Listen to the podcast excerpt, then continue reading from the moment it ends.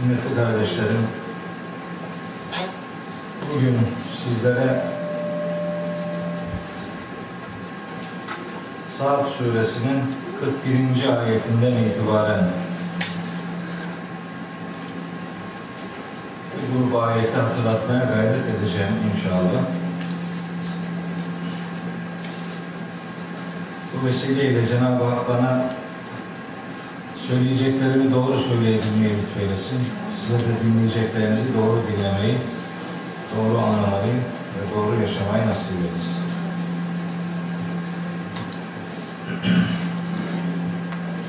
Saat suresini bu dönem okuyalım derken sureyi seçmemin asıl nedeni birkaç defa söyledim. Bir daha söyleyeyim. Maksadım Kur'an okumalarına her başlanılan zamanda belli grup sureler okunur. Geri kalan surelere hiç sıra gelmez. Ya mevcut sıralamayla başlarlar. Fatiha, Bakara, Ali İmran, Nisa filan o aralarda dururken bakıyor ki bitmiyor adam bırakıyor. Ya böyle bırakıyorlar ya nüzul sırasına göre başlıyorlar. Kısa sureler zaten ilk indirilen sureler. Onlardan 25-30 tane okuyorlar. Sıra gene bu orta sıralarda indirilen surelere gelmiyor. Dolayısıyla mesela Saat suresini Kur'an'la uğraştığını varsaydığımız adamların bile büyük çoğunluğu bilmezler. İşlemez, işlenmez yani buna sıra pek gelmez yani Saat suresi. Adını bile. Safat suresi mesela nedir ne değildir pek bilinmez yani. Adını bilirler o. Halbuki mesela Saat suresinde Mekkeli müşriklerin Hazreti Peygamber'e yönelik suçlamalarının bir bölümü sadece Saat suresinde vardır. Mesela başka bir yerde yoktur. Burayı bilmek lazım. Mesela Hazreti Davud'la alakalı bir takım maksadını aşan yakıştırmaların üretildiği işte ayet grubu sadece Saat suresindedir. Başka surede yoktur. Siz Hz. Davud'u Saat suresiyle tanıyabilirsiniz. Yani Saat suresini okumadıysanız yok, anlamazsınız. Yani. Hz. Süleyman'ın at sevgisiyle alakalı, atlarla imtihanıyla alakalı pasajı sadece burada var, başka bir yerde yok. Siz Saat suresini okumazsanız Hz. Süleyman'ın kıssasının o bölümünü ve o bölümden hayata yansıtılması arzu edilen dersleri anlamazsınız. Ve nihayet Hazreti Eyyub'la alakalı bir şey bilmek istiyorsanız Saat suresini bilmelisiniz. Saat suresi 41, 42, 43, 44. ayetler 4 ayet. Bunları bilmeniz lazım. Değilse değilse Hazreti Eyyub'la alakalı derin bir sessizliğe bürünürsünüz. Yapacak başka bir şey yok. O itibarla ben Saat suresini çok önemsiyorum. Sanıyorum birkaç ders ya da ilk Saat suresinden başladığımız ders e, bu detaylara e, kısmen temas etmiştim. Hele ki ikinci derste Hz. Davud'la alakalı kıssanın aslında nasıl manipüle edildiğini, nasıl aslında olmayan şeylerin orada varmış gibi satıldığını, sunulduğunu ve aslında kıssayı daha doğru anlayabilmenin ne kadar da mümkün olduğunu işte o derste sizlere aktarmaya gayret etmiştim. Hz. Süleyman bağlamında sözümü de uzun uza diye geçen ders sizlere aktarmaya gayret etmiş idim. Şimdi bu ders Hz. Eyüp'le alakalı konuşacağız. Hz. Eyüp kimdir? Nasıl söz ediliyor ondan? Ve onun hayatından bize doğru nasıl akışlar yapılabilir? Dört kısacık ayet Hz. Eyyub'la alakalı. Zaten Kur'an-ı Kerim'de Hz. Eyyub'un adı üç defa geçer. Bir tanesi Yunus suresi, şey, e, En'am suresinde vahiy alan peygamberler sayılır, orada geçer adı. Nuhan hedeyna min kablu ve min zürriyetihi Davud ve Süleyman ve Eyyube diye geçer. Ee, En'am suresinin 84. ayetinde geçer. İki ayet Enbiya suresinde vardır Hazreti Eyyub'la alakalı. Yani Enam suresinde sadece adı var, başka bir şey yok. Enbiya suresi 83-84 iki ayet. Onlara birazdan gönderme yapacağım. Orada geçer. Ve nihayet dört ayet de burada geçer. Yani Saat suresinde geçer. Hazreti Eyyub'un Hazreti Süleyman'dan sonraki bir peygamber olduğunu biliyoruz. Hazreti Eyyub varlıktan darlığa düşmeli, sağlıktan hastalığa düşmeli,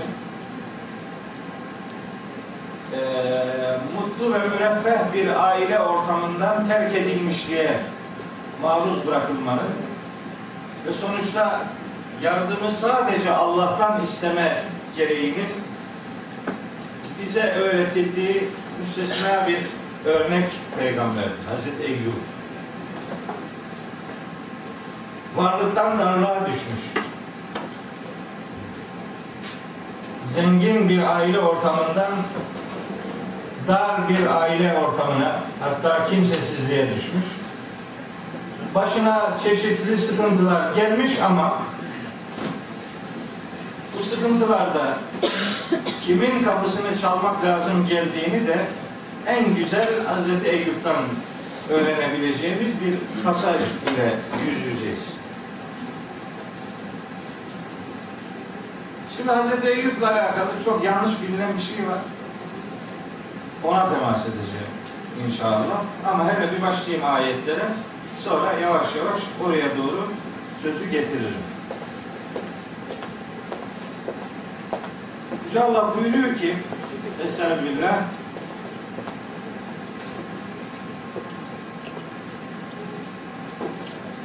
Vezkur abdena Eyyube Sen kulumuz Eyyub'u da hatırla. Eyyub'u da gündem yap. Yani Eyyub'da da sizin için örneklikler vardır. Eyyub'u da okumalısınız yani. Sadece bir metni seslendirmekten söz etmiyor. Bir peygamberin hayatını okumak, bir peygamberin hayatını hayatınıza okumak durumundayız. Öyle bir mesaj ile sesleniyor. Ve devamında şöyle buyuruyor.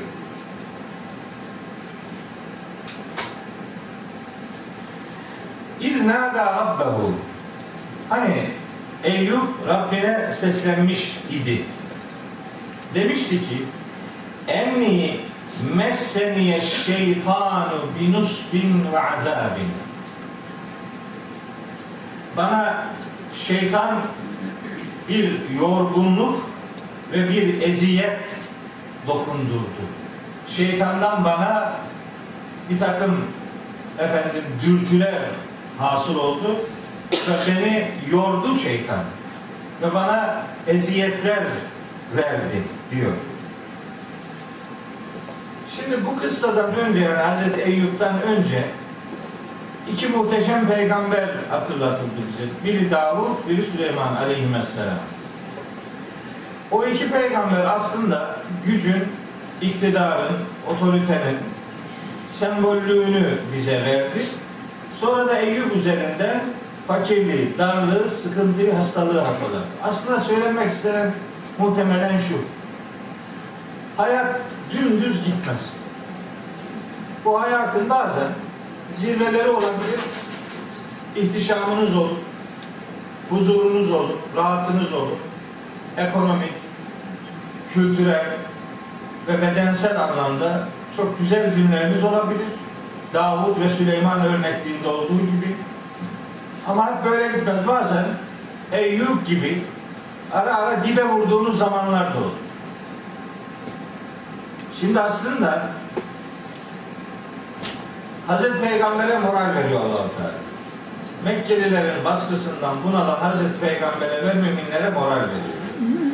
Bir taraftan Hazreti Davud ve Hazreti Süleyman'ı hatırlatarak Peygamberimizin de bir Medine'si olacağı müjdesi veriliyor zımnen. Onu geçen iki ders söyledim.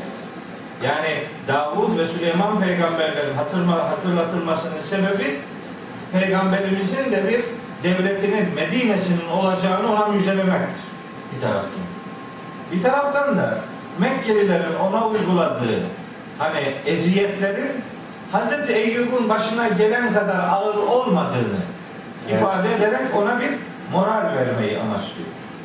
Bir taraftan bir müjde, bir taraftan bir gönül ferahlığı, hani daha serin bir duruş sahibi olmasını ondan istiyor Allahu Teala.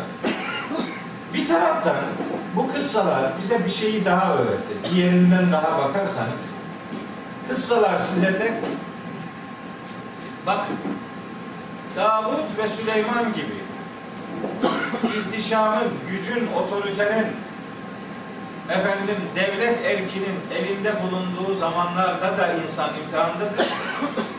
Eyüp gibi darlıkta, sıkıntıda bulunulan zamanlarda da insanlar imtihandadır. Öyleyse varlık içinde imtihanı kaybetmektense darlık içinde imtihanı kazanmak daha önemli. Varlık içinde imtihanı kaybetmektense darlık içinde imtihanı kazanmak daha evladır. Ancak varlık içinde de hep imtihan kaybedilir diye bir kural yok. Onun için Hz. Davud ve Süleyman örnekliği önemlidir. Onlar varlık ve devlet ellerindeyken imtihanı kazanmayı başarmışlar. Hz. Eyyub da darlık ve sıkıntı içinde imtihanı kazanmış. Bize söylenmek istenen şu. Hayatın her anı ve her alanı bir imtihandır. İmtihanı başarmak için varlığa ve darlığa değil, imtihanı başarmaya gayret eden bir hassasiyetiniz olsun. Varlığa dayanarak gevşemeyin, darlığa bakarak ümidinizi kaybetmeyin. Her iki durumda da imtihandasınız, imtihanınızı kazanmaya bakın.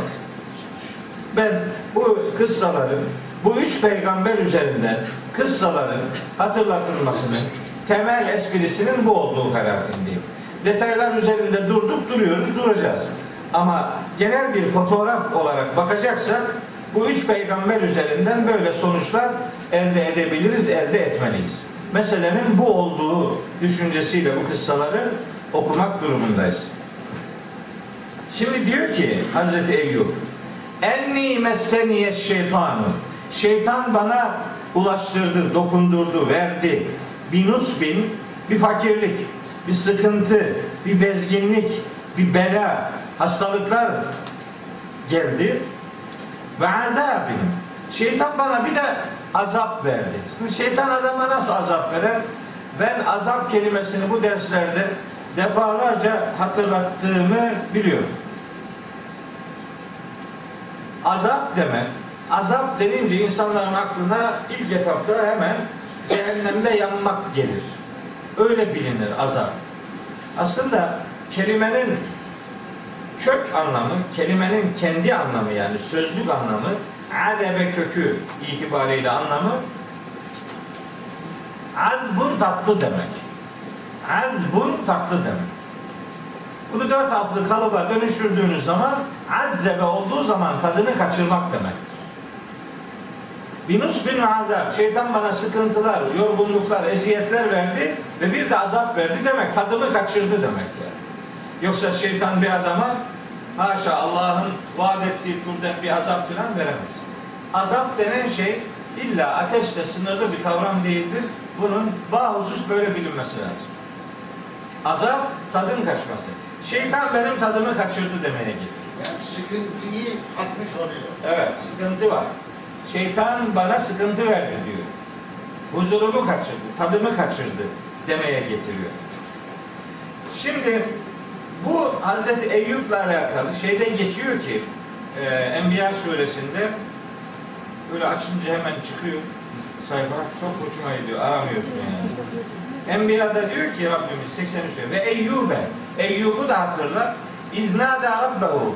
İçinden Rabbine seslenmiş. Demişti ki enni messeniye durru burada dur kelimesini kullanıyor orada şeytan kelimesini kullanıyor.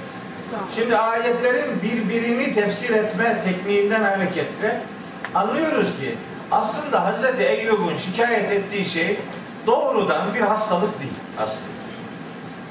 Hazreti Eyyub zararın kendisine şeytandan geldiğini söyleyerek mesela meseleyi hastalık gibi düşünenlere de aslında demek istiyor ki yani hastalık sizin bir imtihanınızdır size gelir yani illa hak etmeniz gerekmiyor yani. Ama insana zarar veren şey mesela Allah yaratıyor olmasına rağmen zarar Allah'a nispet edilmez. Şeytana nispet ediyor bak Hazreti Eyüp. Yani zararı şeytana nispet ederek yani hangi fiilin kime nispet edilmesi lazım geldiği noktasında bir duruş ortaya koyuyor. Hani hayır Allah'tandır da şer Allah'tan olmaz. Şerri Allah'a nispet etmek olmaz. Şerri insan tercih eder, Allah yaratır. Şerri Allah yaratır. Zararı Allah yaratır da zararı Allah adama bir bizatihi vermez. Bu zarar ve şeytan ikilisi biri Enbiya suresi 83. ayette öbürü Saat suresi 41. ayette geçerken bu kelimeleri birbirini tefsir ettiğini görerek anlamaya gayret ediyoruz. Ve ben bu ikisine beraber bakınca diyorum ki aslında Hazreti Eyyub'u rahatsız eden şey hastalıklar değil, şeytanın ona verdiği bir takım desiseler. Hazreti Eyyub onun desiselerinden rahatsız oluyor. Yani muhtemelen bunlar Kur'an-ı Kerim'de yok ama hani satır arasından anlaşılıyor ki Hazreti Eyyub'un bazı sıkıntıları var. Muhtemelen Hazreti Yunus gibi o da tebliğinde çok başarılı olamamanın sıkıntısını çekmiş olabilir. Hatta muhtemelen Hazreti Nuh ve Hazreti Lut gibi evinin içerisinde evinin külfetinin onun yanında bulunmamasından kaynaklı sıkıntılar çekmiş olabilir. Onun için zararı ve sıkıntıyı Hazreti Eyüp şeytana nispet ediyor. Yani şeytan insanları aldatıyor. Benim tebliğimde arzu edilen düzey elde edilemiyor diye bir serzenişi olduğu anlaşılıyor. Şimdi e, dedim ki Hazreti Eyyub'un ailesiyle alakalı bir sorununun varlığı naklediliyor. Kitaplarda var, tefsirlerde naklediliyor. O nakillerden hareketle Hazreti Eyyub'un hanımının ve çocuklarının ya da yakın çevresinin onu terk ettiği de e, bize e, bildiriliyor. Terk etmişler onu. Yalnız bırakmışlar Hazreti Eyyub'u. Cenab-ı Hak onun terk edilmişliğini telafi etme adına kendisinin duasına icabet ediyor. Şimdi ayette diyor ki iznâde rabbehu Rabbine seslendi. Aslında Rabbine seslendi demek Rabbinden yardım istiyor demektir.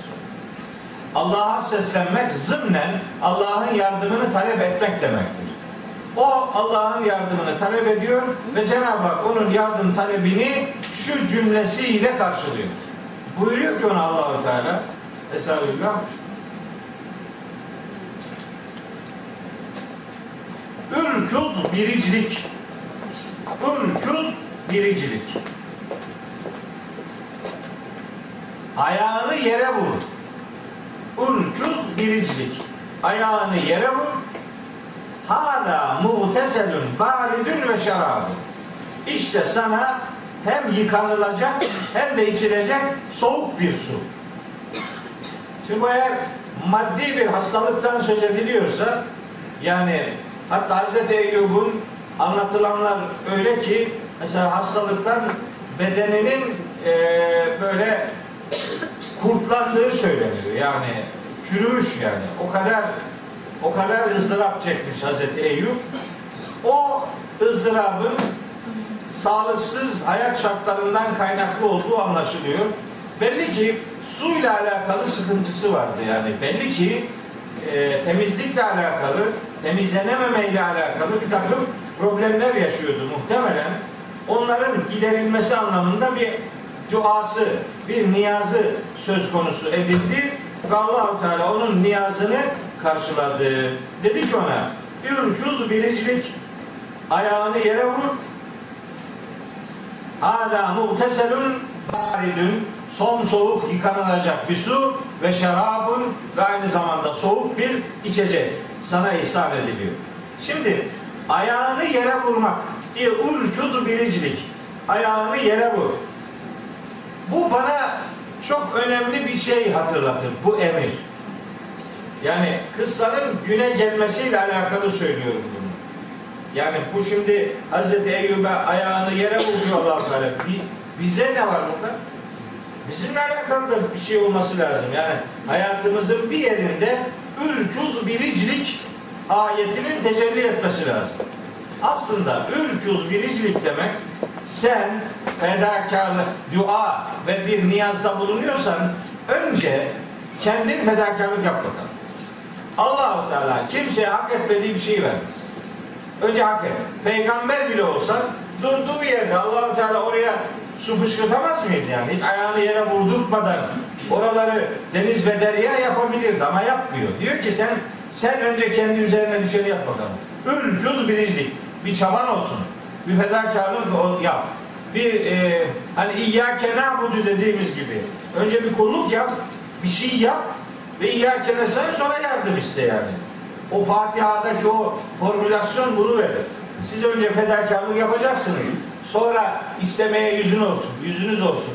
Ben her zaman söylüyorum, dua ederken elleri kaldırmanın mantığı budur aslında. Dua ederken elleri kaldırıyorsun.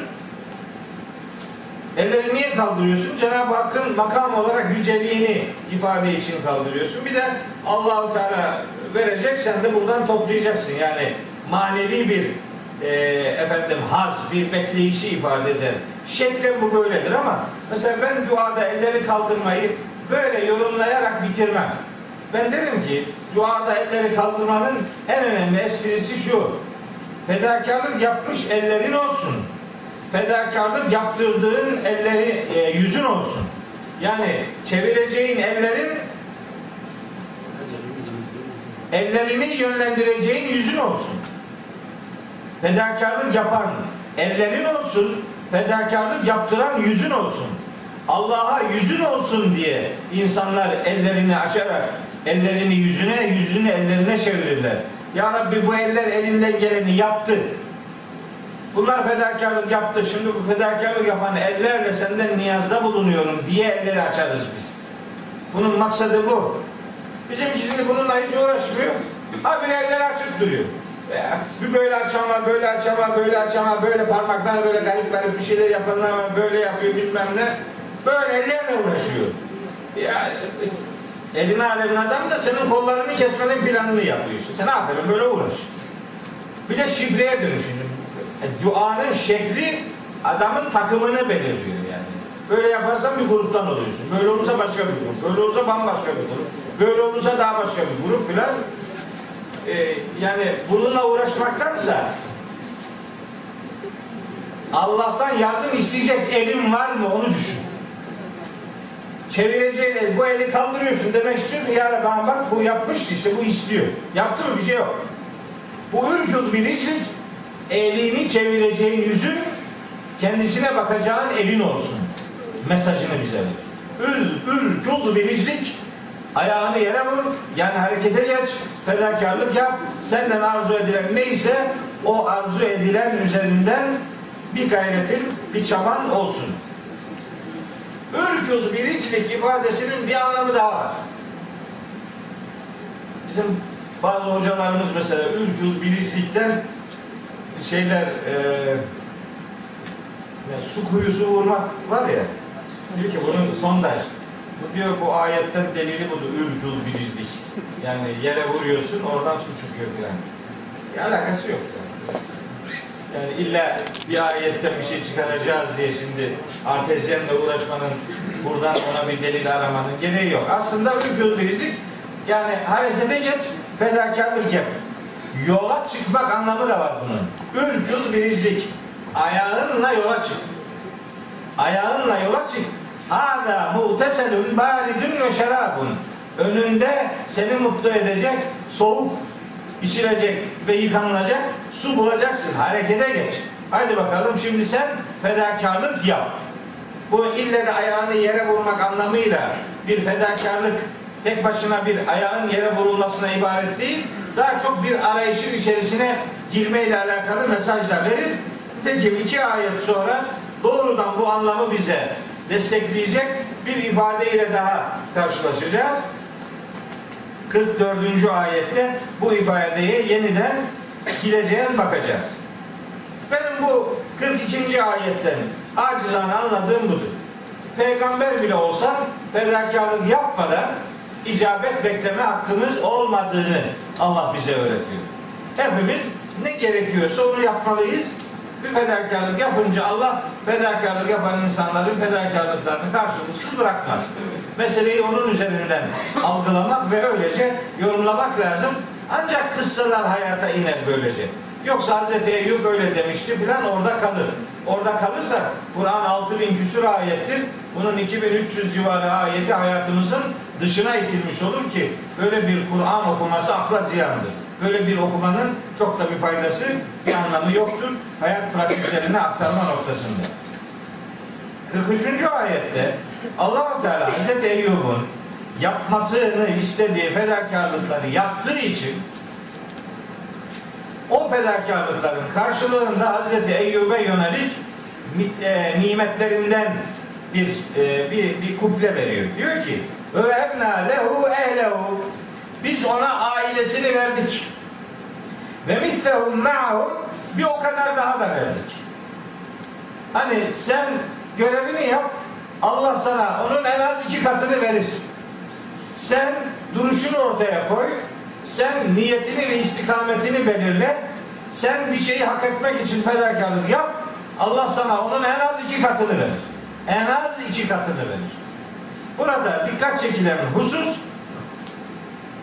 eğer sıkıntılara adam gibi göğüs germişseniz eğer sıkıntıların karşısında ezilmemiş ve fedakarlık yapmayı başarmışsanız Allah o sıkıntılara karşı gösterilen sabrı cevapsız bırakmayacaktır. Hem de en az iki katıyla onlara mukabelede bulunacaktır. Şimdi Hz. Eyyub'a ailesini verdik ve ailesiyle beraber bir o kadar daha verdik. Bu şimdi iki anlam verebilir bu, bu ifade. Yani metin her iki anlama da müsaittir. Bu Hz. Eyyub'un kendisini terk eden ailesinin ve çevresinin bir süre sonra gerisinin geri gelmiş olması manasını verebilir. Ailesini ona verdik, bir o kadar daha yani onunla beraber bir o kadar daha da verdik. Fazlasını da verdik. Hem bu anlam söz konusu olabilir hem de belki de bu ayette yok. Sadece satır arasını okumaya gayret eden bir yorum yapıyoruz. Yani bunun ayetten karşılığı yok. Yorum yapıyoruz. Yorum da yapanını bağlar, başkasını bağlamaz. Muhtemelen Hazreti Eyüp hastayken Allah alem belki bir yaygın bir hastalık vardı ailesinde de, çevresinde de muhtemelen. Yani bir salgın vardı belki de. O salgın hastalıklardan kendisinin de, ailesinin de, çevresinin de kurtulmuş olması, şifanın Allah tarafından yaratılmış olması ihtimali de var. Bu ikinci ihtimaldir ama e, göz ardı edilmemesi lazım gelen bir ihtimaldir. Çünkü vehebna lehu ehlehu ehlini ona verdik. Onun ailesini ona verdik deyince o aile onu daha önceden terk eden ailenin geri dönmesi manasına da gelebilir. Onların da hasta olması nedeniyle hastalıktan ızdıraplı haldeyken yanındaysa da yanında oluşunun çok bir mana ifade etmediği, sağlığa kavuşarak aileyi yeniden ayakta tutacak bir dönüşümün meydana getirildiği anlamı da bu ayette zımnen vardır. İki anlamı da var kabul ederek ayeti anlamaya gayret ediyoruz. Eğer biz hani başta söylemiştim Hazreti Eyüp, Hazreti Yunus gibi tebliğinde istediği sonucu elde edememişse istediği sonucu elde edememenin karşılığında Cenab-ı Hak Hazreti Yunus'a Safat suresinde anlatılıyor. Hani o Nineva'yı falan terk etti, başka tarafa doğru gitti, kaçtı yani. Kaç, yani kaçtı, kaçtı diyeceğiz. Ebeka ilel fülkil meşhurun diyor işte yani. Kaçtı bir köle gibi kaçtı diyor Hazreti Yunus için. Ama bir mevcut insanlardan ümidini keserek daha kalabalık bir ortamda daha verimli bir tebliğ yapacağını hesap ederek gitti.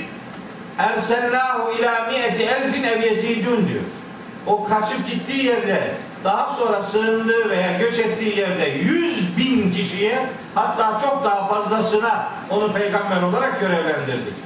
Dolayısıyla bir peygamberin başarısız olmak gibi bir lüksü yok. Öyle bir akıbetle yaşamamıştır hiçbir peygamber daha başarılı, daha yoğun kalabalıklara hitap etmişler.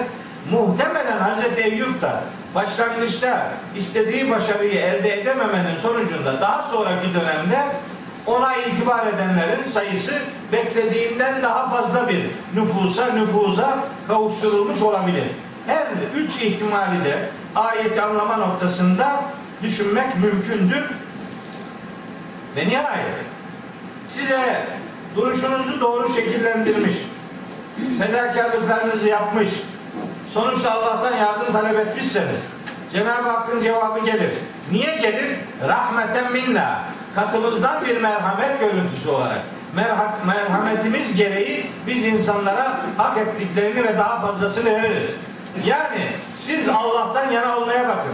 Allah'tan yana olanları Allah yalnızlığa terk etmez. Ayetten anladığımız budur. Allah'tan yanaysanız Allah sizi yalnızlığa terk etmez. Hatta Allah'tan yanaysanız Allah size ısrarla hata yaptırıp yüzünüzü yere çevirtmez. Allah'ın arkadaşlığı her arkadaşlığın ötesindedir. Ve Allah'tan yardım isteyenler yüzü mahcup bir şekilde yere dönmeyeceklerdir. Bu Rabbimizin merhametinin gereğidir. Rahmeten minna katımızdan bir merhamet görüntüsü olarak ya da merhametimizin bir tecellisi olarak Yunus'a da yaptığımız gibi Eyyub'a da daha etkin bir tebliğ imkanı ve daha önce kendisini rahatsız eden şartlardan kurtulma nimeti bahşettik. Bu bizim rahmetimizin gereğidir. Ve bir de zikra li ulil elbab. Haydi bakalım. İşte meseleyi düğümleyen burası. Ve zikra ve zikra gerçeği hatırlama vesilesidir. Bizim mukabelelerimiz. Kime? Li ulil elbabi. Sağduyu sahibi olanlara gerçeği hatırlatma vesilesidir. Bu şu demek. Kur'an'da biliyorsunuz 2300 civarı ayet kıssalardan oluşur. Bunun sebebi şu. Kıssalar ibret içerikli hayat kesitleridir. Bakın hem Hazreti Eyyub'a bir gerçeği hatırlatma vesilesi olarak mukabelede bulunuyor Allahu Teala hem de bu kıssayı takip eden herkese yani bize buradan dersler çıkartmamız lazım. Eyyub laf olsun diye anlatılmıyor. Bunun hayatınızda karşılıkları vardır. Herkesin hayatında Davud ve Süleymanlıklar olduğu gibi Eyüp ve Yunusluklar da vardır. Her peygamberin kıssasının her insanın hayatında bir görüntüsü vardır mutlaka. Mutlaka bir yerde vardır. Adem İblis kıssası laf olsun diye anlatılmaz. İnsanın hayatında bu tür mücadelelerin yaşandığı enstantaneler mutlaka vardır. Musa, İsa peygamberlerin, Nuh, İbrahim aleyhisselam peygamberlerin yaşadıklarının pratikleri minimum ölçekte ya da mikro ölçekte insanların kendi hayatında karşılıkları vardır bunların. Eyyupluk yaptığınız, Eyüp gibi olduğunuz dönemler olabilir. Fedakarlığınızı yapın, Allah'tan yana olmaya bakın. Allah'tan yana olursanız Allah sizi yalnızlığa ve çaresizliğe terk etmez. Rahmetinin gereği olarak size hak ettiğinizi de fazlasını da verir. Böylece bu tür anlatımlar ulul elbab dediğimiz sağduyu sahibi olan her insana da bu noktada gerçeği hatırlatmaktadır. Ve zikrari ulul elbab bize hatırlatıyor Allahu Teala şimdi. Hem Hazreti Eyyub'a hem bize hatırlatıyor. Diyor ki Allah'tan yanaysanız yüzünüz yere çevrilmez, yüzünüz yere mahcup bir şekilde kapatılmaz. Şimdi bir şey daha söylüyor. 44. ayet. Buyuruyor ki Rabbimiz. Ve huz biyedike dığten. Sen şimdi eline al fadrib bihi onunla yani o tutamla vur ve la tahnes böylece yemininin tersini yapmamış olursun. Şimdi bu, bu Eyüp peygamberin kıssasıyla alakalı yanlış gittiğine inandığım ve cevabını şimdi vermeye çalışacağım husus burası. 44. ayet. Şimdi geleneksel yorumlarda şöyle anlatılır. Hazreti Eyüp eşi onu terk ettiği için onunla eşiyle alakalı yemin etmiş Hazreti Eyüp. Artık nasıl bir yemin ettiyse onu bir daha eve almama yemini midir, konuşmama yemini midir? Yeminin içeriğini bilmiyoruz. Ama rivayetlerden öğrendiğimize göre Hz. Eyüp hanımıyla alakalı bir yemin etmiş. Daha sonra Hz. Eyyub'un hanımı işte o her ne idiyse konu ondan vazgeçip eşinin yanına dönme isteyince Hz. Eyyub'un o yemininin gereğini yerine getirmesi arzu edildi elbette. Yemin ettiyse bir peygamber onun bir kefareti olacak yani. O kefaret bağlamında Cenab-ı Hak Hazreti Eyyub'a işte eline bir tutam ot al onu eşine vur böylece yeminin yerine getirilmiş olsun demiş oluyor. Şimdi burada yine rivayetlerde var. Bunların yüz yüz şey olduğu. Yüz, yüz tane şey var. Yani ot, sap yani yüz. Yüz sap var. Şimdi bu yüz sapı almış eline hepsiyle beraber bir tane vurmuş. Böylece yeminden kurtulmuş. Peki biz bu yüz sap, yüz, yüz ayette geçiyor. Rivayetlerde var. Ben, zaten bunu eleştiriyorum şimdi.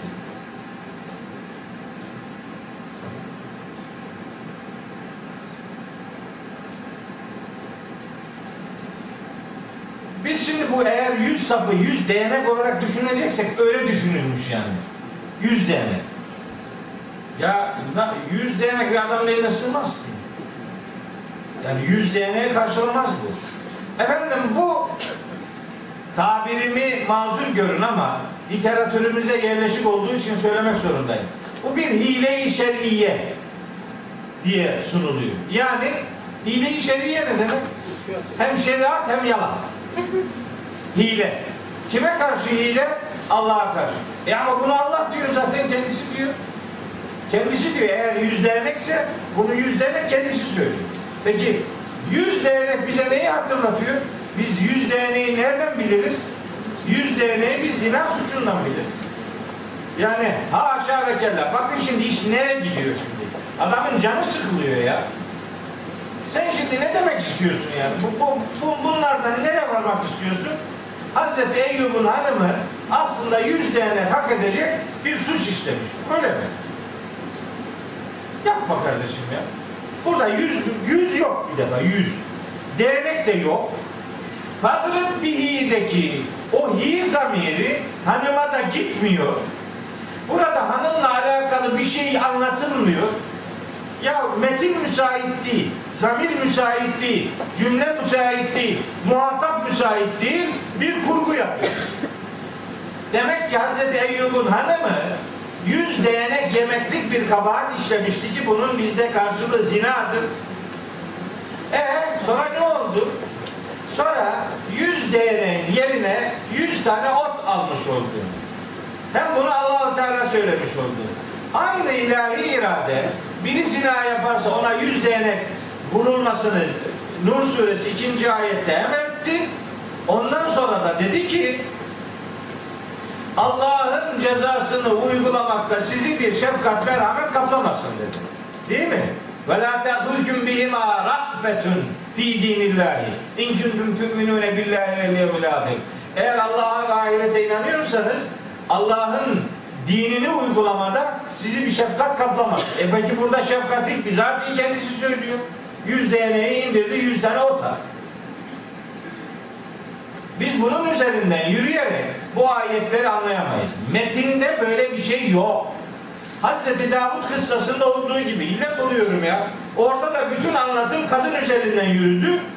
Orada da öyle, burada da böyle. Buraya evrildi. Yani aslında yüz değneği hak etmişti ama bu biraz ağır kaçacak herhalde. Bunu otla geçiştirebilme evriliyor.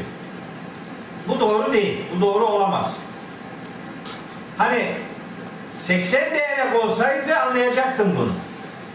Hani bir zina ile alakalı bir suçlama değil de muhtemelen bir iftira ile alakalı. Belki eşine bir iftira atmışsa işte bunun karşılığında bir yüz değneklik uygulama olacak. Eğer hanımı attıysa ama bu metin de hanımına yönelik bir ifade yok kardeşim yok. Metinde yok. Olmayan bir şeyi varmış gibi nasıl göstereceğiz ya? Bu nasıl bir Kur'an okuması? Dediğiniz zamiri şeye mi gidiyor? Şimdi anlatacağım. Ben bu Saat suresinin tefsirini yazdığım için biraz iciğini ciciğini biliyorum bunu. Gece not alıyordum. Baktım bunların hepsini yazamayacağım. Telefona çektim şeyi, sayfayı. Dedim, Oradan okurum bari. Yani teknolojiyi kullanmak.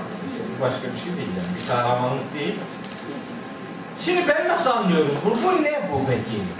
Burayı eleştiriyoruz buraya kadar. Ama eleştirmem de haklı değil mi? Haklı değil mi? Haklıyım ya. Vallahi haklıyım ya. Bir şey, bir şey daha da yok mu hocam? Eğer gerçekten zina olayı varsa yüzde yirmi rejim olması gerekmez. mi? O zaman Orada da oralarda vardır acım diyorsun yani. yani hayır varsa varsa orada da olmalı. Ya neyse artık yüzde yenek üzerinden yürü. Resmi karıştırma İhsan şimdi ya. Dur. Yani değil ya. Yani metin müsait değil kardeşim. Şimdi ben, ben nasıl anlıyorum bunu? Bakın ben nasıl anlıyorum. Hazreti Eyüp sıkıntı içinde olduğunu söylüyor. Ve bu sıkıntının bir zarar anlamına gelen kelimeyle karşıladığı yer var. Şeytan bunu bana dokundurdu dediği yer var. İki yer var. Yani. İkisini de görerek düşüneceğiz. Mesele şeytan kaynaklıysa anlaşılıyor ki Hz. Eyyub'u çıkmaza sürükleyen bir problemle yüz yüze. allah Teala onun o problemden kurtulabilmesi için önce ona dedi ki cüz biricik hadi bakalım harekete geç. Harekete geç. Hareketinin sonucunda seni mutlu edecek bir akıbetle yüzleşeceksin. İşte hada muhteselun baridun ve şerap dedi 42. ayette. Şimdi sanki bunun ikinci aşaması olarak bu defa diyor ki ona ve hud biyedike zılten eğer bu hastalık şeytana şeytanın istismarına konu edilen bir hastalıksa ve Hz. Eyyub bu hastalıktan şiddetli bir şekilde muzdaripse sanki söylenmek istenen şu ve hud biyedike eline bir tutam ot al yani senin şifan tabiattadır, doğadadır. Sen şifanı otlarda bulacaksın. Yani onlara sarıl. Tabiata sarıl. Öyle der. Likülli daim devaun. Her hastalığın bir devası mutlaka var. Her derdin yanında en az iki tane devası vardır. Kur'an bunu bize öğretir. Bir problemle karşılaştın mı hemen ara. Yanında iki tane onun çözümü vardır mutlaka. İlle de vardır yani. Ve hud biyet yalı sen, sen bitkilere sarıl. Sen otları al eline. Bir tutam ot al. Fadrib bihi. O tutamla darbet. Darabe kelimesi her görüldüğü yerde ilk etapta vurmak anlamıyla karşılandığı için hanımının cezalandırılması yorumu devreye giriyor. Esasında biz Kur'an'a baktığımız zaman darabe kelimesinin vurmak anlamının ötesinde daha 10 küsür tane daha anlamı olduğunu biz biliyoruz. Nisa suresi 101. ayet ve nihayet Müzzemmil suresi 20. ayette bu kelime yola çıkmak, yolculuk yapmak manasını verir. Fadrib bihi o bir tutam otla yola koyun. Yani arayışını devam ettir. Senin derdinin devası aslında o otlarda gizlidir. Onlarla çözüm aramaya bak. Fadrib bihi o tutamla yürü. Yani yürüyüşün, akışın, arayışın o, tuta, o tu- bir tutam otta ya da tabiatta olsun. Orayla ilgilenmeye gayret et. Devam oradadır. Çaren oradadır. Orayla alakalı çabalar ortaya koymaya bak. Bir, bir, bir tutam bitki eline al, onunla yola koyul. Araman gereken şifayı sana Allah bitkilerin içerisine koyarak sunmuş olacaktır. İçinde şifa olan bitkiyi bul ve yola koyul. Böylece ve la tehnes doğrudan sapmamış olursun. Doğrudan sapma. Yani arayışın tabiatta ve deva peşinde yönelerek şekillensin. Başka taraflarda bir şey arama demeye getirir derdinden kurtulmayla alakalı bir çözüm önerisidir bu. Yoksa burada herhangi bir hanımla alakalı bir atışma, bir e, ne bileyim hanımını bir kabahatinden dolayı cezalandırma filan böyle bir şey yok. Öbür türlü olsaydı ve hud biyet yadılten fadrib bihi olmayacaktı. Fadrib biha veya fadrib bihi leha. Öyle bir şey olması lazım. Yani bir ha zamiri lazım oraya. Hanımla alakalıysa Arapça bu kitap Arapça. Bunun Arapça gramer kurallarına dayalı bir takım çözümleri vardır. Bu zamirine ha manası verilmez. Yani erkek kabul edilen bir kelimeyi dişi manası vererek tercüme edemezsiniz. Bu yanlış olur. İşte bu yanlıştan dolayı ayetin mecrası, rotası maalesef değiştirildi. Başka taraflar, başka yorumlar devreye girdi. O yorumlar üzerinden işte insanlar ayetleri anlama veya anlamama noktasıyla yüz yüze getirildi. Ben hem soğuk sunun hem tabiata yönelmenin hem bitkilerde çare aramanın Hazreti Eyyub'la alakalı bir çözüm yolu olduğu bildirildiği kanaatindeyim. Bu ayetlerin içerisinde hanımı üzerinden herhangi bir mesajın verilmesini hiçbir şekilde doğru bulmuyorum. Çünkü bu metni aşırı derecede zorlamak ve metni anlamamak sonu- sonucu verir. Sonra ben size bir şey daha söyleyeyim. Sayalım ki o anlatılanlar doğrudur. Bunun bu ümmet için örnekliği nedir? Ya da Hazreti Peygamber mesela bu noktada Hazreti Eyyub'u nasıl örnek alacak? Ne yapacak yani? Hazreti, Hazreti Peygamber mesela hanımlarıyla alakalı diyelim böyle bir şey yaşamış olsa ne yapacak? Bir tutam otla vuracak. Öyle mi yani? Bu mu örneklik? Bunu mu örnek alacak Hazreti Peygamber? Ya da Hazreti Peygamber hanımları da Hazreti Eyyub'un hanımları gibi mi, hanımı gibi mi davranacak yani? Böyle bir örneklik olmaz. Dahası bu örnekliğin bizim hayatımıza taşınabilecek bir pratiği yok yani. Gerçi bizim bazı kitaplarımızda mesela bu tür cezai müeyyidelerle alakalı benzer komediler var. Benzer komedi diyorum bunu bilerek ve düşünerek söylüyorum. Yani adam diyor ki hanımınla aranda bir problem varsa onun serkeşlik yapmasından korkuyorsanız onları onları dövün. Onlara önce nasihat verin. Bu arada pataklayın. Yataklarınızı ayırın. İşte orada da böyle bir sıralama yapmışlar. Önce nasihat et. Olmadı. Döv. Olmadı. Yatakları ayır. Daha da olmadı. Hakemler bulun. O Nisa suresi 34-35. ayette. Önce bu, sonra o, ondan sonra öbürü öyle bir şey yok ki ya. Nereden çıkarıyorsun? Önce o, Çünkü sonra öyle bir bu, şey daha sonra bu filan diye. Eğer öyle bir şey olsa o zaman kadınlar da aynı işlemi adamlara yapsın. Yapar, onların da cevabı var. Yapar ama bir araba dayak yer işte. E işte o Bence o doğru olmadığı için tersini düşünmek de doğru değil şu tarafı. Sen çok ara verdin derslere.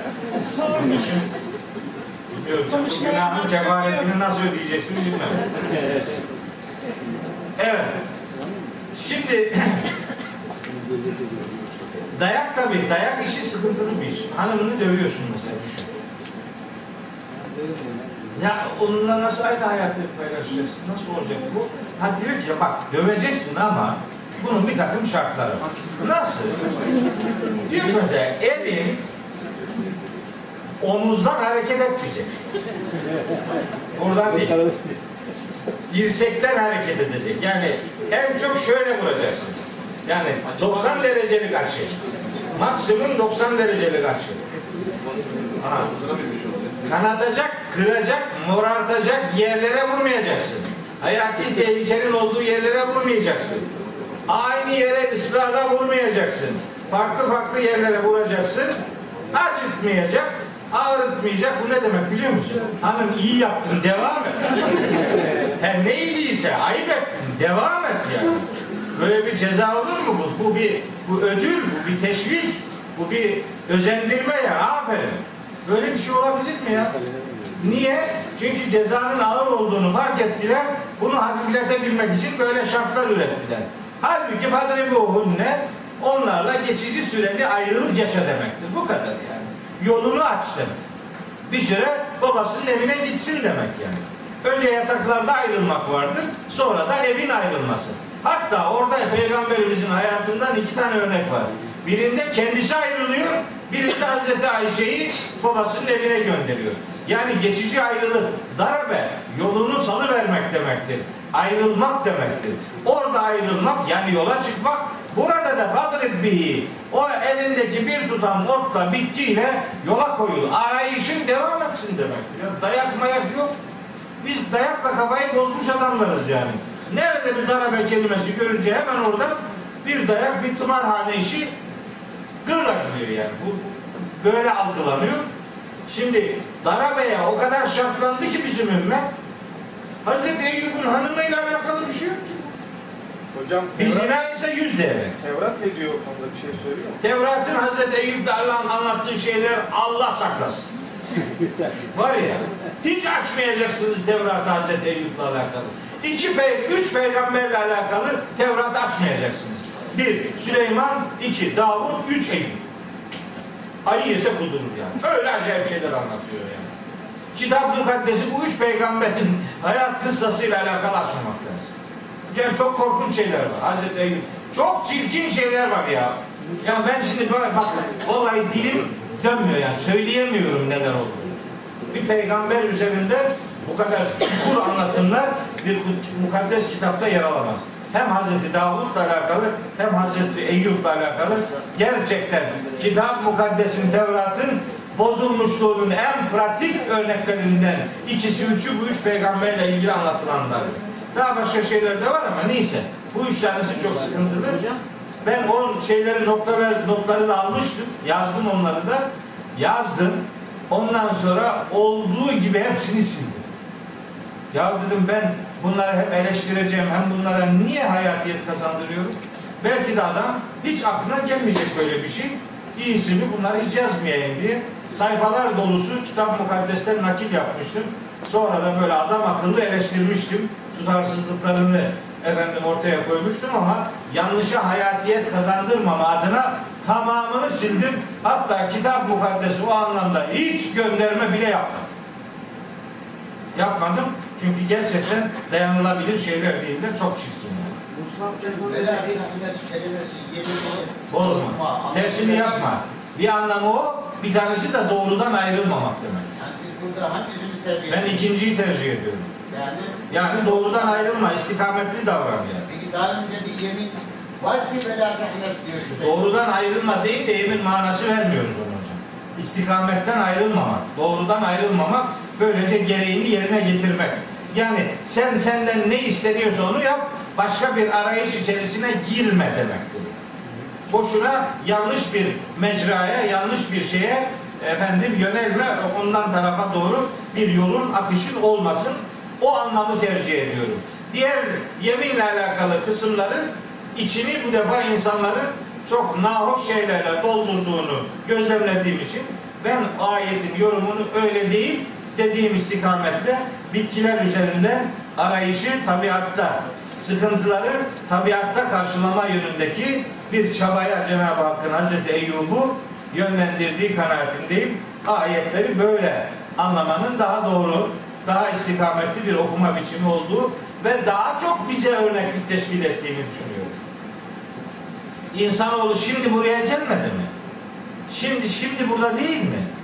Hani hastalıklara tıbbi çözümlerin yanında böyle tabii çözümler daha yavaşlar değil mi şimdilerde? En azından gördüğümüz işte ne bileyim aktarlardaki o sunumlar öyle boş şeyler değil. Zaten ilaçların önemli bir bölümü de tabiattaki bir takım işte e, o özellikteki çiçeklerden, işte minerallerden neyse onlardan toparlanıp alınıyor. Ve bunun geçmişinin Hz. Eyyub'a kadar dayandığını biz bu ayetlerde güne dair sonuçlar olarak algılayabilir, okuyabilir, bunları böylece yorumlayabiliriz. Ben ayette Hz. Eyyub üzerinden verilmek istenen mesajın bu olduğunu, sıkıntıların, dertlerin, şeytanın manipülesine müsait olduğunu ama bu manipülasyonlardan kurtulabilmek için Allah'a sığınmak gerektiğini ve Cenab-ı Hakk'ın da yarattığı her derdin yanı başında en az iki tane devasını da yaratmış olduğunu bu kıssa üzerinden sonuç olarak elde ediyor. Benim kıssaları okuma ve hayatıma akset, aksettirebilme yönündeki yolum, sünnetim bu. Buyuruyor ki İnna vecednahu sabira Biz onu çok sabredici bulduk. Ya şimdi gene başa dönmek istemiyorum ama neye sabretti Hazreti Eyüp? Hazreti Eyüp'ün sabrı ne? Hazreti Eyüp'ün sabrı hanımıyla alakalı bir sıkıntıya sabrı değil ki yani. Orada zaten sabredecek bir şey yok. Zaten cezai müeyyide uygulanmış oluyor. Sabır mabır yok. Kelebeği de yemiş oldu gitti hanım bu işi. Öyle bir Hazreti Eyyub'un bu noktada alınacak bir örnekliği yok. Hazreti Eyyub'un sabredici oluşu sıkıntıları çözümündeki vakarlı, ısrarcı ve kararlı tutumudur. Allah'ın onu yönlendirdiği işte tabiattaki çözümleri arama noktasındaki yolculuğunda gösterdiği sebatkarlıktır. İnna vecednahu sabira o demek. Zaten sabrı anlatırken de dedik ki defalarca sabır zillet ve meskenet üzerine başa gelen sıkıntılara boyun bükmek demek değildir. Sabır hele ki yüzüne bir tokat atanın yüzün öbür yüzünü de çevirerek bir tokat da oraya atmasını istemek falan değildir. Sabır bir zillet meskenet konumu değildir. Sabır tam tersine doğrular ve idealler uğrunda insanın bir duruş ortaya koymasıdır. İstikametten ve değerden ayrılmama kararlılığıdır. Başa her ne geliyorsa gelsin onlara karşı bir dik duruş ortaya koyabilme erdemidir. Sabır bir e, mukavemet göstergesidir. Ayetin dikkat çektiği hususiyet budur. İnna vecednahu sabira. Biz onu çok sabredici bulduk. Ni'mel abdü. Ne de güzel bir kuldu. İnnehu evvabun. Da Davud ve Süleyman'ın olduğu gibi bu da evvab bir peygamberdir. Ni'mel abdü. Ne güzel kulduk diyor Allah. Ne güzel kulduk. Ne güzel bir övgü. Cenab-ı Hak'tan böyle bir sıfatı duymak, böyle bir nidaya muhatap olmak herhalde mutluluğun en büyüğü olsa gerek. İnnehu evvabun Hakka yönelmiş, yüreğini Hakka bağlamış bir insandı diyor Hazreti Eyyub. Dört ayetlik pasajda Hazreti Eyyub'la alakalı işte hayata dair bu sonuçları elde edebileceğimizi düşünüyorum. Ben bu ayetleri böyle okuyor, böyle anlıyor ve hayatımızda başta söylediğim gibi Davud ve Süleyman peygamberlerin hayatında olduğu gibi bazen zirveler yaşarsınız. Bazen düştüğünüz zamanlar da olur. Bazen nimetlere gark olursunuz.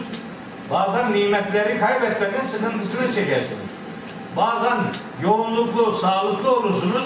Bazen hastalıklı olabilirsiniz. Mühim olan varlıkta da darlıkta da imtihanlı olduğunu unutmamaktır.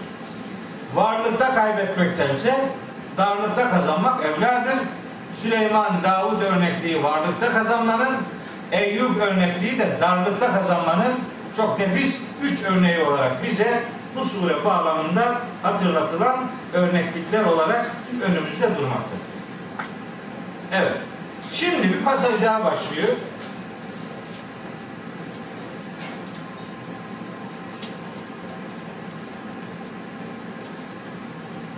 Pasajlar üzerinde bundan sonraki bölümde böyle çok hani böyle kıssalar türünden çok detaylandırılacak meseleler yok.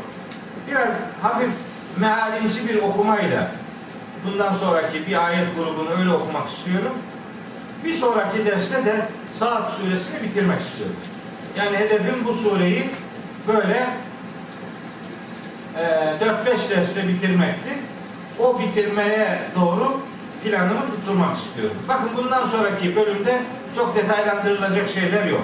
Daha önce Kur'an'da çeşitli vesilelerle anlatılan şeyler bir daha burada toparlanarak hatırlatılıyor. Buyuruyor ki Rabbimiz Vezkür ibadena İbrahim'e ve İshak'a ve Yakub'e Kullarımız İbrahim'i, İshak'ı ve Yakub'u da hatırla. Enteresan. Önce Davud, sonra Süleyman peygamber, baba oğul peygamber ikilisinden örnek verdi. Aynı zamanda Davud, Süleyman, Eyyub üçlüsünde varlık, darlık ikilisinden örnek verdi. Şimdi ise baba, oğul, torun peygamber ilişkisinden örnek veriyor. İbrahim, İshak, Yakup. Hazreti İshak'ı değil de Hazreti İsmail'i burada saysa daha iyiydi diye akla gelebilir. Yok daha iyi değildi. Çünkü baba oğul örnekliği vardı zaten Davud ve Süleyman'da. Şimdi bir de torun örnekliği lazım. Mecburen arada İshak olacak. İsmail olmaz. İsmail'in oğlu peygamber değildi ama Hazreti İshak'ın oğlu peygamberdi Hazreti Yakup. İbrahim'i, İshak'ı ve Yakub'u da hatırla. Gündemin onlar da olsun. Mesela ben çok isterim Hazreti İbrahim'in babasıyla konuşmaları var. Bunları Müslümanlar bilsinler. Ben isterim Hazreti Yakub'un oğullarıyla konuşmaları var. Hele ki bunların bir tanesi Bakara suresinde 132. ayette geçen 132 133 iki ayette mesela bu iki ayeti her Müslümanın şöyle evinde kendi çocuklarıyla aslında ne konuşmak lazım geliyoru öğreten ayetlerdir. Bir baba ço- çocuklarına neyi tavsiye eder? Neyi vasiyet eder? Biz neyi vasiyet eder gördük? Bizimki belli yani. Alacağımız var şunda. Orada bir arsa var, şurada bir ev var, orada bir yatırım var, borç var, oradan onu al, buradan bunu ver, ona verme, şuna verme filan diye öyle öyle şeyler. Ama bu peygamberler tarihinde böyle geçmiyor bu. Bakara 132 133 evde bir bir peygamber babanın çocuklarına nasihati nedir? Hani becerebiliyorsanız açın bir de Lokman suresini. Lokman suresinde de Hazreti Lokman'ın oğluna 10 tane nasihati. Neler konuşuluyormuş bir ona bakın. Becerebiliyorsanız açın Ali İmran suresini 36, 37, 38. ayetlerde bir annenin çocuğuyla ilgili neler hissettiğine bakın. Açın e, Meryem suresinin ilk ayet grubunu Hazreti Zekeriya'nın Hazreti Yahya ile alakalı yaşadıklarını görün. Mesela aile içi iletişim Kur'an'ın hakkında en çok konu belirlediği başlıklar arasında yer alır. Böyle hikaye masal olsun diye okunmaz bunlar. Hayatta taşınsın diye okunurlar. Peygamber başta bir şey söylemiştim. Bunu bir daha söylüyorum. Kur'an'da kıssası anlatılan her peygamberin kıssasında vurgulanan husus her insanın hayatında bir çeşit vardır. İlle de vardır yani. Ara. Problemi bul, çözümü de kıssayı doğru okuyarak üretmeye gayret et. Hazreti Eyyub harika bir örnektir. Sanıyorum Hazreti Eyyub'un bu hususiyetleri bilmek yüreğinizi ferahlatmıştır. Biraz olsun. Çünkü Eyyub gibi darlığımız, dar olduğumuz zamanlar var ve Rabbimizin onu nasıl yönlendirdiğine dair çözümlerini Kitabullah'tan gördük. Sonra İbrahim, İshak ve Yakup aleyhisselam üzerinden bunları hatırla ki Ülil eydi. Bunlar son derece güçlü, kararlı, mukavemetli insanlardı. El eyd kelimesini Hazreti Davud üzerinden açıklamıştım iki ders önce. Aynı şeyi bir daha söylemiyorum. Vel ebsari. Ha.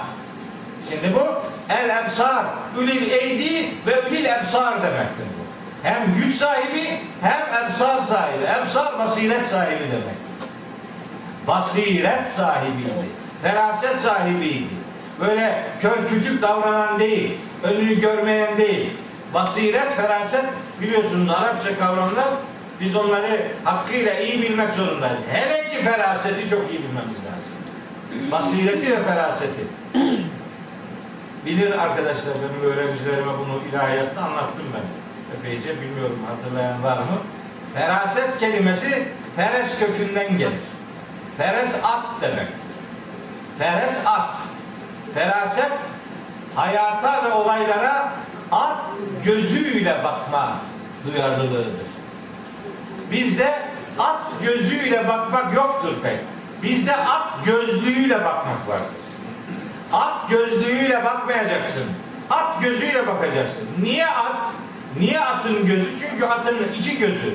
Sağ gözü, önü, sağı, arkayı, sol gözü, önü, solu, arkayı görür. Onun için atın iki gözü 360 derecelik bir görme alanına sahiptir. Arkaya yükler çok yoğun bir şekilde e, biriktirdiği için ona gözlük takarlar ki yanları arkayı görmesin. Sadece önü görsün diye. Yoksa aksesuar olsun diye ata gözlük takılmaz. At gözlüğü takmanın sebebi atın dikkatini yana ve arkaya çevirmemesini sağlamaktır. İleriye baksın öyle yürüsün diyedir. Müslüman at gözlüğüyle değil, at gözüyle bakan adamdır. Feraset böyle bir duyarlılıktır. Ne dedi Peygamberimiz sallallahu aleyhi ve sellem? İttekû feraset firasetel mümini fe innehu yenzuru bi. Ne güzel bir hadis be. Ne harika bir hadis be. Peygamber konuşur mu böyle konuşur işte. Ama gelin görün bunu nasıl tercüme ettiler? Tercümeye bakın. İttekû firasetel mümini. Müminin ferasetinden korkun. Niye? Ve innehu yenzuru bi nurillah. Muhakkak ki Allah'ın nuruyla bakar. Ya Allah'ın nuruyla bakan adamdan korkulur mu? Bu nesi bir şey ya? Ne yaptın bu hadisi şimdi gördün mü? Şimdi bu hadis böyle tercüme edilince hadis karşıtlarda diyor ki bu uydurmadır. Adamın günaha sokma. Doğru tercüme et şunu da adam da öyle slogan atmasın yani. Hadisin doğru tercümesi şu. Müminin ön görüsüne karşı dikkatli davranın, duyarlı davranın. Çünkü o Allah'ın nuruyla bakar. Allah'ın nuru demek Allah'ın kitabı demektir. Nurullah Allah'ın kitabı, kitabullah demektir. Çünkü Kur'an'ın isimlerinden biri nurdur. Mümin Allah'ın nuruyla bakar demek. Allah'ın kitabıyla bakar demek. Feraset geçmişe bakarak, günü sorgulayarak ileriye güvenle bakma hassasiyetidir. Feraset gücünü vahiden, yaşanan ortamdan ve ileriye dönük pro- programlamadan alır.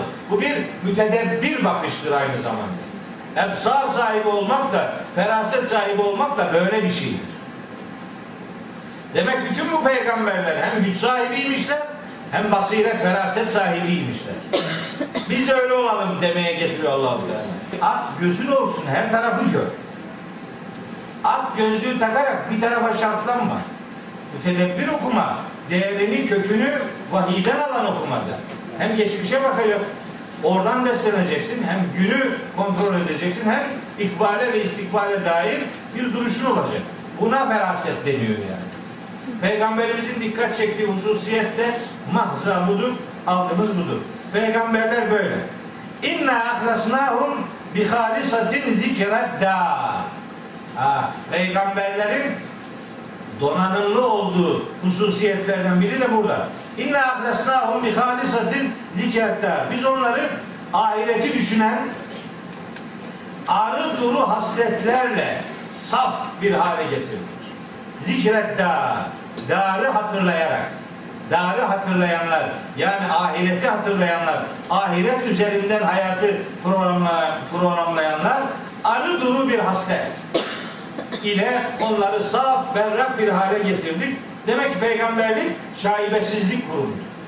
Peygamberlikte ahireti önceleyen ve bu hayatı ahirette hesabı verilecek bir zaman dilimi olarak kabul eden bir e, duyarlılık vardır. Müslümanda da olmasını Cenab-ı Hakk'ın arzu ettiği hususiyet budur. Ve innehum indena ve innehum indena leminel mustafeynel ahyar.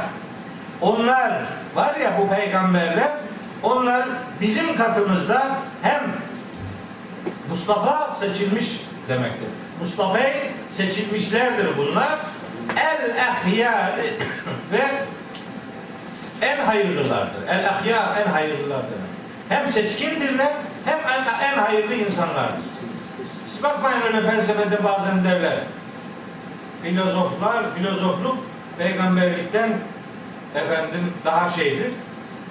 Daha ileridedir. Niye? Peygamberlik çalışılarak elde edilemez. Filozofluk çalışılarak elde edilir. O senin hüsnü kuruntundur. Allah selamet versin. Biz ona itibar edemeyiz. Kusura bakma. Ha, bunu biraz daha devamını bizim kültürümüzde de görüyoruz. Velayet nübüvvetten öndedir. Olur. Velayet nübüvvetten öndeymiş. Yani senin veli dediğinde peygamberler veli değil mi? Peygamberler velinin padişahıdır. Bayezid-i Bestami'ye nispet edilen bir şey var. Ben öyle bir denize daldım ki peygamberler kıyıda kaldı diye. Şimdi ben bunu reddetmek istemiyorum da bana ters geliyor da hani yorumlanabilir olduğunu da düşünüyorum. Aslında Bayezid Bestami belki de şunu demek istedi. Peygamber bir denize daldım, peygamberler kıyıdaydı, o karşı kıyıda ama. Ayrıldığın kıyıda değil beyim, o öbür tarafta. Sen anne gidebilirsen gidersin oraya. Bakalım gidebilecek misin? Peygamberlik böyle felsefeye veya velayete kurban edilecek bir kurum mu? Allah bunları seçtiğini söylüyor. Lemine, leminel muslafeyn el ahyar. Senin için diyor mu öyle bir şey? Yok. Hatta hatta bakın Vezcur İsmail'e ve Yesa ve Zelkif. İsmail'i de El Yesa'da Zülkif peygamberleri de hatırla. Yani bunlar da gündeminizde olsun. Ve küllüm minel ahyar. Bunların hepsi en hayırlılardan. Bitti. Allah'ın en hayırlı dediği bir kurumu nasıl ikinci, ikinci, sekonder denilen düzeye getiriyorsun? Nasıl bir şey ya? Öyle bir şey olmaz. Kimse kusura bakmasın. Kur'an'ın peygamber profilinde bu bilgiler vardır. Şimdi, ha zikrun, ha bütün bu anlatılanlar var ya, hem bütün bu anlatılanlar hem bu vahiy. Bir hatırlatmadır. Şimdi bakın ben daha önce demiştim size, hatırlıyorum. Defalarca söyledim ama bu surenin içinde de söyledim. Dedim ki, şimdi böyle sure başlar, Kur'an'ın bir metodu, üslubudur bu yani. Bunu bilmeden Kur'an kolayına anlaşılmaz. Şimdi diyelim bir sure bir konuda başlıyor. Başlar giderken arada böyle şeyler, göndermeler yapar Kur'an. Evet, evet. Şimdi mesela Saat suresi ben Kur'an-ı zikri diye başlıyor. Zikir. Kur'an'ın zikir olduğunu söylüyor. Birinci ayet. Sonra dönüyor. Geliyor 29. ayette Kitabun enzelnahu ileyke mübarekün liyeddebberu ayati Bu kitap bir bereket kaynağıdır. İnsanlar ayetlerini düşünsünler ve sağduyu sahibi olanlar gerçeği hatırlasınlar diye gene Kur'an'a gönderme yapıyor. 29. ayette. Bakın şimdi döndü geldi Hazazi 49. ayette bir daha. Nedir bu biliyor musun? Bu verkaç yöntemidir Kur'an'da. Ana meseleyi anlatırken asıl görülmesi gerekene iki de bir gönderme. Yani demek istiyor ki e, asıl meseleyi unutmayın. Evet bu peygamber kıssalarını anlatıyoruz ama derdimiz vahyin hayatı inşa edici misyonunu unutmamanızdır. Hâzâ. Bu anlatılanlar ve bütünüyle Kur'an-ı Kerim gerçeğin bir hatırlatmasıdır. Ve inne lil muttakine le husne meâbin. Kur'an'ın hatırlattığı gerçekler doğrultusunda duyarlı davrananlar için çok güzel bir gelecek vardır. Muttaki. 48'de de yaparsanız 8 tane kadar bir söyleyeyim. Dedim ki İsmail, ha üzerine mi alıyorsun İsmail'i? Hazreti Kayıtlara geçmesi söyledim söyledim. 48'i de söyledim. Vezkür İsmail'e ve Yesa ve Zelkif. Hazreti İsmail, Hazreti Elyesa, Hazreti Zülkifl de ve küllüm minel. En hayırlılardan. Yani altı peygamberlik bir hatırlatma yapılıyor. Adın İsmail diye ne yapalım yani? Bizimki de Muhammed. Muhammed'in Türkçesi Mehmet biliyorsunuz yani. Yani övülmüş adam demek. Ahmet, Mahmud, Hamid, Muhammed övülmüş adamlar. Umarım insanların övdüğü değil, Allah'ın övdüklerinden olur. Umarım Mustafa oluruz. Mustafa seçkin adam demektir. Seçilmiş adam demek, hem arınmış adam demek. Mustafa'nın iki anlamı vardır. Aslında Mustafa'nın e, so, Safa kökünden geldiği için Mustafa'nın şeyi de var yani. Güne bölünmüş, saf anlamı var, seçkin anlamı var. E, dolayısıyla Mustafa'yı bir isim olarak değil de sıfat olarak düşünmek dahil burada sıfattır çünkü yani. Arınmış adamlar. Hem arınmış, hem tertemiz, hem de seçilmiş. Seçilmiş. Allahu yastafi minel melâketi rusulen ve minen nas. Hac suresi 72. ayette geçer. Allah insanlardan da meleklerden de peygamberler istifa eder. 75. 72 değil. Hac suresi 75. İstifa seçmek demektir. Hem arınma hem seçilme anlamı var. Onu da söylemiş olalım. Bütün bunlar işte e, birer öğüttür. Hem bu kıssa hem bütünüyle Kur'an-ı Kerim. Ve inne lil muttakine le husne duyarlılığını Kur'an'la şekillendirenler için çok güzel bir gelecek vardır. Yani anlatıyor şimdi. Yani yani nasıl bir gelecek? Cennati adinin ah, adin cennetleri var. Kime? Bu Seçkin, muttakilere. Muttaki, duyarlı davranan insan demek. Takva, bir insanın Allah'a karşı sorumluluğunu bilen ve ona göre davranan kişi için kullanılır. Cennet-i Adin'in, işte Adin cennetleri var. Adin cenneti demek durulmaya değer cennet bahçeleri. Kur'an'da çeşitli yerlerde geçer. Durulmaya değer cennetin ortası manası verilen bir e, şeydir bu tamlama. Ondan sonra bu cennetin özelliklerini sayıyor. Bakın şimdi ne varmış bu cennette. Adamın ağzının suyu akıyor. Müfettehaten lehumul ebvabu. Bir. Kapılar açık. Bu cehenneme giden rahat da gidemeyecek. Cehennem acayip sıkışık bir yerden atılacak oraya insanlar. Biliyorsun değil mi Furkan suresinde? Ve izâ ulkû minhâ mekânen dayyikan mukarrenîne. Öyle oraya böyle dar bir yerden atılacaklar. Hem de mukarrenin şeklinde. Mukarrenin elleri ayakları birbirine bağlanmış bir. Elleri ayakları boyunlarına bağlanmış iki. Elleri elleri ayakları birbirlerine bağlanmış üç. Her biri şeytanına bağlanmış dört. Dört tane anlamı var bu mukarrenine. Dört tane anlamı var. Bu unutmayın. Mukarrebin, mukarrenin. Elleri ayaklarına bağlanmış yani demirle, zincirlenmiş. Bir. iki Elleri ayakları boyunlarına bağlanmış. Üç. Cehennemlikler birbirlerine bağlanmış. Dört. Her bir cehennemlik şeytanına bağlanmış. Öyle gidecekler dar bir yerden. İzâhul minha oradan atılacaklar. Mekanen dayikan dar bir yere atılacaklar. Hem gidiş yeri dar hem gidilen yer dar yani. Furkan suresi 12 veya 13. Furkan suresi 13 evet. Bir şey daha söyleyeyim. Müfettehaten lehum lebvab çok güzel bir ayet size söyleyeyim. Çok güzel bir ayet. Zümer suresinde. Diyor ki Allahu Teala bak. Zümer suresi Estağfirullah. Vesikallezine keferu ila cehenneme zümera. Kafirler grup grup cehenneme sevk edilecekler. Hatta ila cauha. Cehenneme geldiklerinde futihat ebvabuha. Cehennemin kapıları sonra açılacak. Yani cehennemin kapısı açık. Hadi gelen rahat rahat oraya atlası yok. Girişte bir izdiham var yani. Dar. Kapılar kapalı. Orada sıkışık. O sıkışıklıktan sıkışık ve dar bir yere atılacak. Zümer suresi 70 e, ikinci 71. ayet. Ama Zümer suresinin 73. ayeti de var. Bu bize inşallah. Ve sikallezine ettekav rabbehum ile cenneti zümera. Muttakiler de grup grup cennete sevk edilecekler. Hatta ila cauha. Onlar cennete geldiklerinde ve futihat ebvabuha. Orada vav var işte bir harf. Ve futihat ebvabuha. Kapıları zaten açık. İşte müfettehaten lehum lebvabu demek. Kapıları zaten açığın bir ifade biçimi Zümer suresi 73. ayettedir. Rabbim oradan girenlerden eylesin inşallah. Öyle. Ve bu kâde bâbuha ve kâle lehum hazanetuha.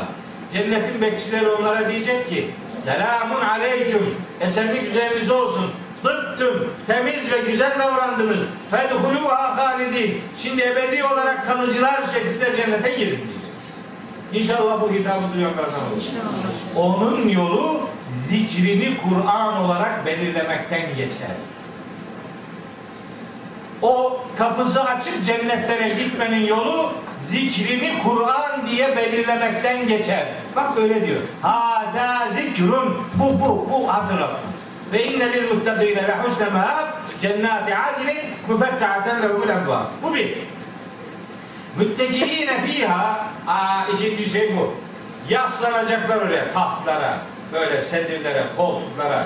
Ya Yasin'de var ya İnne sahibi cenneti yevme fî şûrin fâkihun mezvâcuhum fî zilâlin alel erâiki müttekiûn böyle koltuklara, sedirlere, kanepelere yaslanacaklar. Mutakabilin şeklinde karşılıklı muhabbet edecekler. Kadehler ellerinde meşrubat içecekler. Kadeh elinde deyince adam hemen içki zannediyor. Meşrubat der. Meşrubat içecekler. Sonra müttekine fiha yed'ûne fiha bifakiyetin kesiretin ve şerabi. Orada her türden meyve ve içecek isteyecekler. o meyveler, içeceklerle alakalı sayım döküm yapmak istesek bir sürü ayet okuyabilirim şimdi size. Aman aman ne ayetler, ne ne menüler. O Vakıa suresini okusak da şimdi ağzımızın suyu aksa. Yasin suresini okusak, Zuhruf suresini okusak, Muhammed suresini okusak. Ne güzel anlatımlar var. Var da gidebilenler için bunlar böyle. Yasin'de öyle diyor. Lehum fiyâ fakiyetun ve lehum ma yed'un. Bak o cümlenin bu açılımıdır. Yed'une fiha bi fakiyetin kesiretin ve şerabi. Orada türlü türlü meyveler ve içecekler isteyecekler. İnsan suresinde var.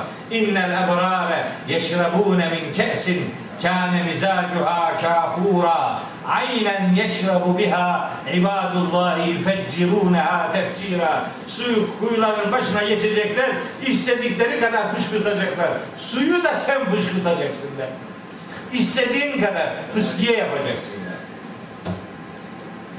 He işte böyle gideriz inşallah. Bu üçüncü özellik. Şimdi dördüncü. Yani oradan arkasına değil, bu, bu tarafa hitap ediyor. Ve indehum kasıratut tarfi etraf.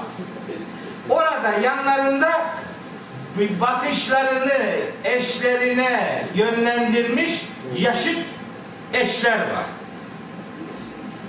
Bakışlarını kendilerine dikmiş yaşıt eşler. Etraf yaşıt eşler demek. Kasıra tutar bakışını teksif etmiş. Yani sağa sola sağla solla ilgilenmeyen cennetliklerle özel Allahu Teala'nın vereceği eşler bunlar. Şimdi bunu görünce adam diyor huri bu huri erkeğe veriliyor.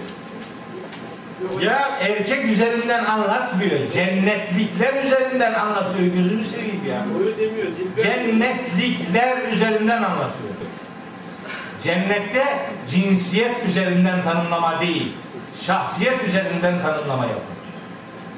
Ve cennetin bütün ödülleri bütün cennetlikleredir. Kadın ve erkek ayrımı yapılmaksızın. Orada bir cinsiyet üzerinden değil, şahsiyet ve ödül üzerinden bu mes- meseleleri anlamak durumundayız. Böyle deyince de adamın dünyası yıkılıyor. Ne güzel huriler alacak. O da mı yok? Ya bilmem ne. Evet. Hâzâ mâ tu'adûne liyevmil hisâb. İşte bu var ya hesap günü için size vaat edilen bu. Müminlere vaat edilenler bunlardır. İnne hâzâ le rizkuna. İşte bizim rızıklarımız bunlar. Mâ lehu min nefâdin. Bitmeyecek bunlar hiç. Hiç bitmeyecek. Üçülüha daimun ve zilluha. Ürünleri de devamlıdır, gölgeleri de devamlıdır. Dolayısıyla Allah'ın orada bize vereceği rızıklar bitip tükenmek bilmeyen türden olacaktır. Diyor. Allah bizi burada sözünü ettikleri arasına ilhak eylesin. Peki şimdi başka bir şey başlıyor. Ne alem geçiyor? Böyle detay vermiyor. Hala cennetliklerin durumu bu. Hala işte bu. Onların durumu bu.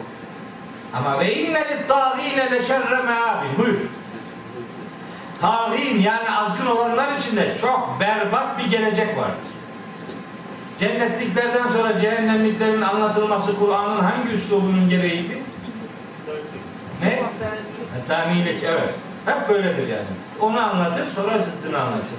Bir meseleyi zıttıyla anlatmak Kur'an'ın üsluplarından bir tanesidir. Littâhîne le şerre meâbin. Evet, çok şerli bir gelecek vardır. Ne, neresi? Cehenneme, cehennem. Yaslavna, oraya yaslanacaklar. Ve bi'sel mihal, orası ne kötü bir döşektir, ne, ne kötü bir beşiktir, ne kötü bir dayanaktır yani. Hala, işte böyle. Onlar da bunu hak ediyorlar. Felyezûkûhû hamîmun ve gassâdûn. Bu adamlar da böyle kaynar suyu ve irini tadı, tatsınlar bakalım şimdi. Allah felaket bir şey yani. Allah korusun. Bu İbrahim suresinin tefsirini bitirdim dün akşam. Allah'ın bu İbrahim suresinde iki tane ayette bir cehennem anlatıyor. Vallahi ödüm koptu. Billahi bütün huzurum kaçtı yani. Öyle korktum yani. Min verai cehennemu ve yusqa min ma'in sadidin yusiruhu ve ye'tîhil mevtu min kulli mekânin ve ma huve bimeyyitin ve min veraihi azâbun galizun Bu adamlara diyor Allahu Teala cehennem verilecek. Yürekleri parçalayan irinden ve adeta şey e, bakır eriğinden oluşmuş su verilecek bunlara. Suyu yutmaya çalışacak, yutamayacak, parçalanacak boğazı diyor. O kadar darlık geçecek, yaşayacak ki her taraftan ona ölüm yağacak ama ölemeyecek. Bunun ötesinde daha ağır azaplar da beklemekte. Ne yapınca acaba? Ha? Allah'ı inkar edince. İnşallah bize değil. İnşallah bize değil. Ya bize değil herhalde yani. Allah-u Teala tabii öyle bir garantilik yok içimizde. Allah-u Teala bizi Müslümanca yaşamayı ve mümince öyle bilmeyi lütfettikleri arasına katsın. Yani bakın mesela insan anlamadan kafir olabilir abi biliyor musunuz? Anlamadan. Fark etmeden kafir. Kafirdir haberi yok. Müşriktir haberi yok. Bir insanın onun için ne olursa olsun Kur'an'ın anlattığı gibi bir Müslüman olması lazım. Ve Kur'an'ı doğru anlaması lazım. Kur'an'ı doğru anlamayan adam. Daha geçen de söylemiştim size. Keyif suresini anlatıyor. Kul hel nünebbiüküm bil akserine a'mala. Amelleri en zayıf, en ziyanda olanlara haber vereyim mi size? Ellezine dalle sa'yuhum fil hayati dünya ve hum yahsebune ennehum yuhsinune sun'a. Bunlar dünyada işlerini kaybetmişler. Yaptıkları güzel, yaptıklarının güzel olduğunu zannederler. En kayıplı olanlar bunlardır. Yaptığı şeylerin güzel olduğunu zanneder. Bilmez ki felakete odun taşıyor haberi yok. Onun için en tehlikeli gidiş yanlışta olmasına rağmen bunu fark edemeyen gidiş. Allah onlardan uzak eylesin. Evet. Ve aharu bak var. Ve aharu min şeklihi ezvacun. Buna benzer yani böyle kaynar su, irin buna benzer daha nice nice azap türleri var. Aharu min şeklihi ezvacun. Cennetliklerin cennet arkadaşlığı anlamında beraberinde olacakları var. Bunların da eşleri var ama azap eşleri. Aharu min şeklihi ezvacun. Bunların da bu azap türünden nice nice eşleri olacak. Yani böyle azap bitip tükenmek bilmeyecek.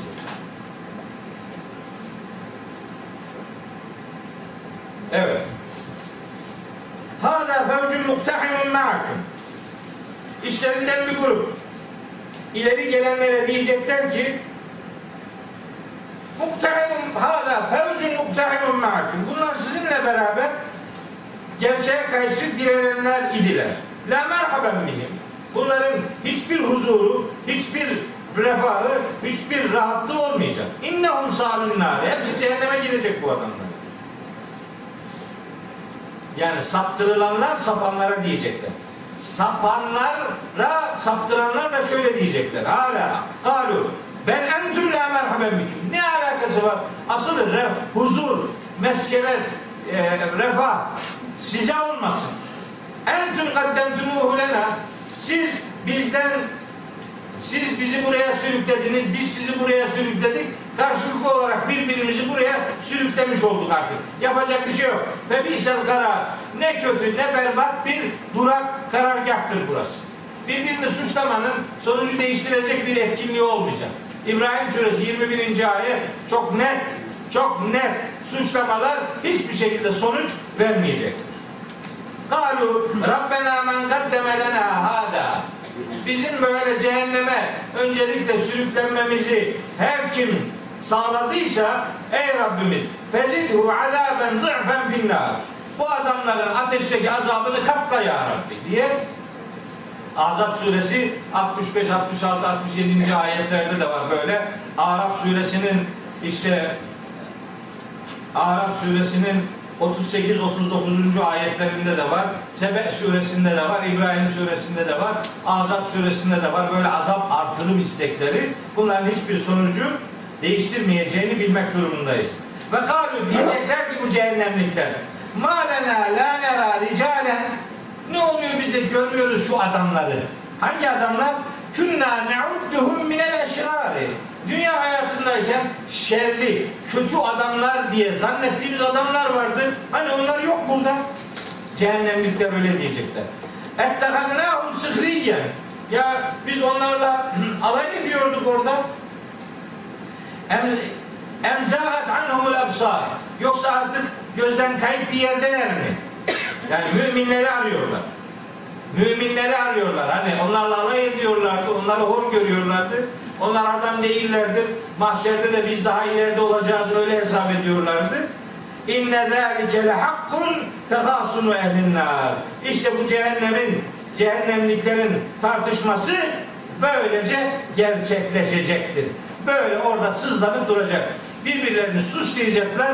Müminlere burada yaptıkları hakaretlerin orada yersiz olduğunu anlayacakları bir günü ve bir mekanı mutlaka paylaşacaklar. La inne zalike le hakkun tekasunu ehlin nar. Bu cehennem ehlinin birbiriyle hasımlaşması, tartışması mutlak bir gerçek olarak yaşanacaktır diyor 64. ayet itibariyle Cenab-ı Hak. Yani surenin 55. ayetinden 64. ayetine kadarki bölüm cehennemliklerle alakalı ama 49. ayetten 55. ayetine kadarki bölüm ise cennetlikler ve onlara yönelik müjdelerle alakalı idi. Evet bugünkü ders çok uzun sürdü farkındayım ama inşallah bir sonraki de 65. ayetten 88. ayete kadarki surenin son bölümüyle sizlere inşallah hitap etmiş olacağız. Bir sonraki derste nasip olur görüşürsek bu sureyi bitirmiş olacak. Allah'a emanet olun. Allah yar ve yardımcınız olsun.